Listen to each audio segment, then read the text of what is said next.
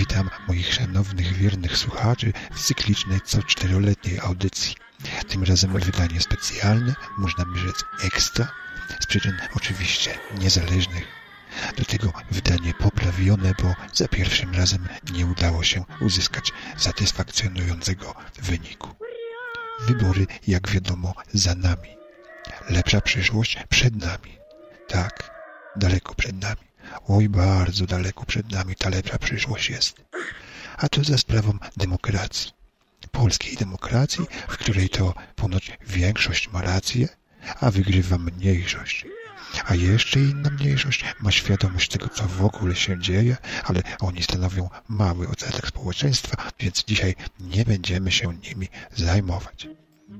No ale wróćmy do wyników wyrobów, w których to wyrobiliśmy sobie nowego prezydenta, pana, panią Bronisława Marię, bo to dokładnie nie wiadomo.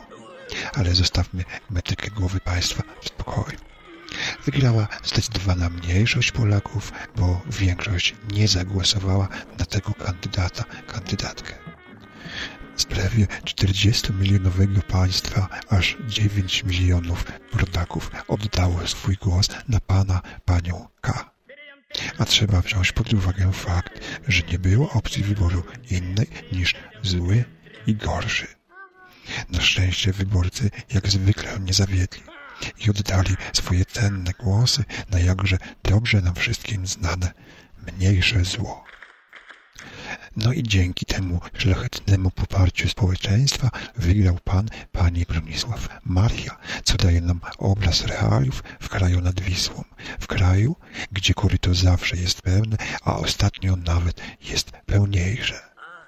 Jeszcze nigdy dotąd w dziejach Rzeczpospolitej Ludowej koryto nie było tak pełne, za co nasi wspaniali politycy na pewno podziękują swym wyborcom, dzięki którym mogą sobie niezmiennie od lat z tego koryta korzystać i przy okazji je wciąż powiększać.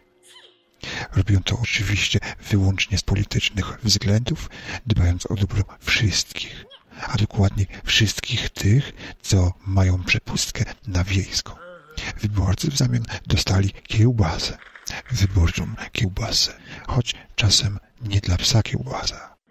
No dobrze, a co jeszcze poza podziękowaniami mogą nam dać politycy za to ufundowane z naszych podatków korytko?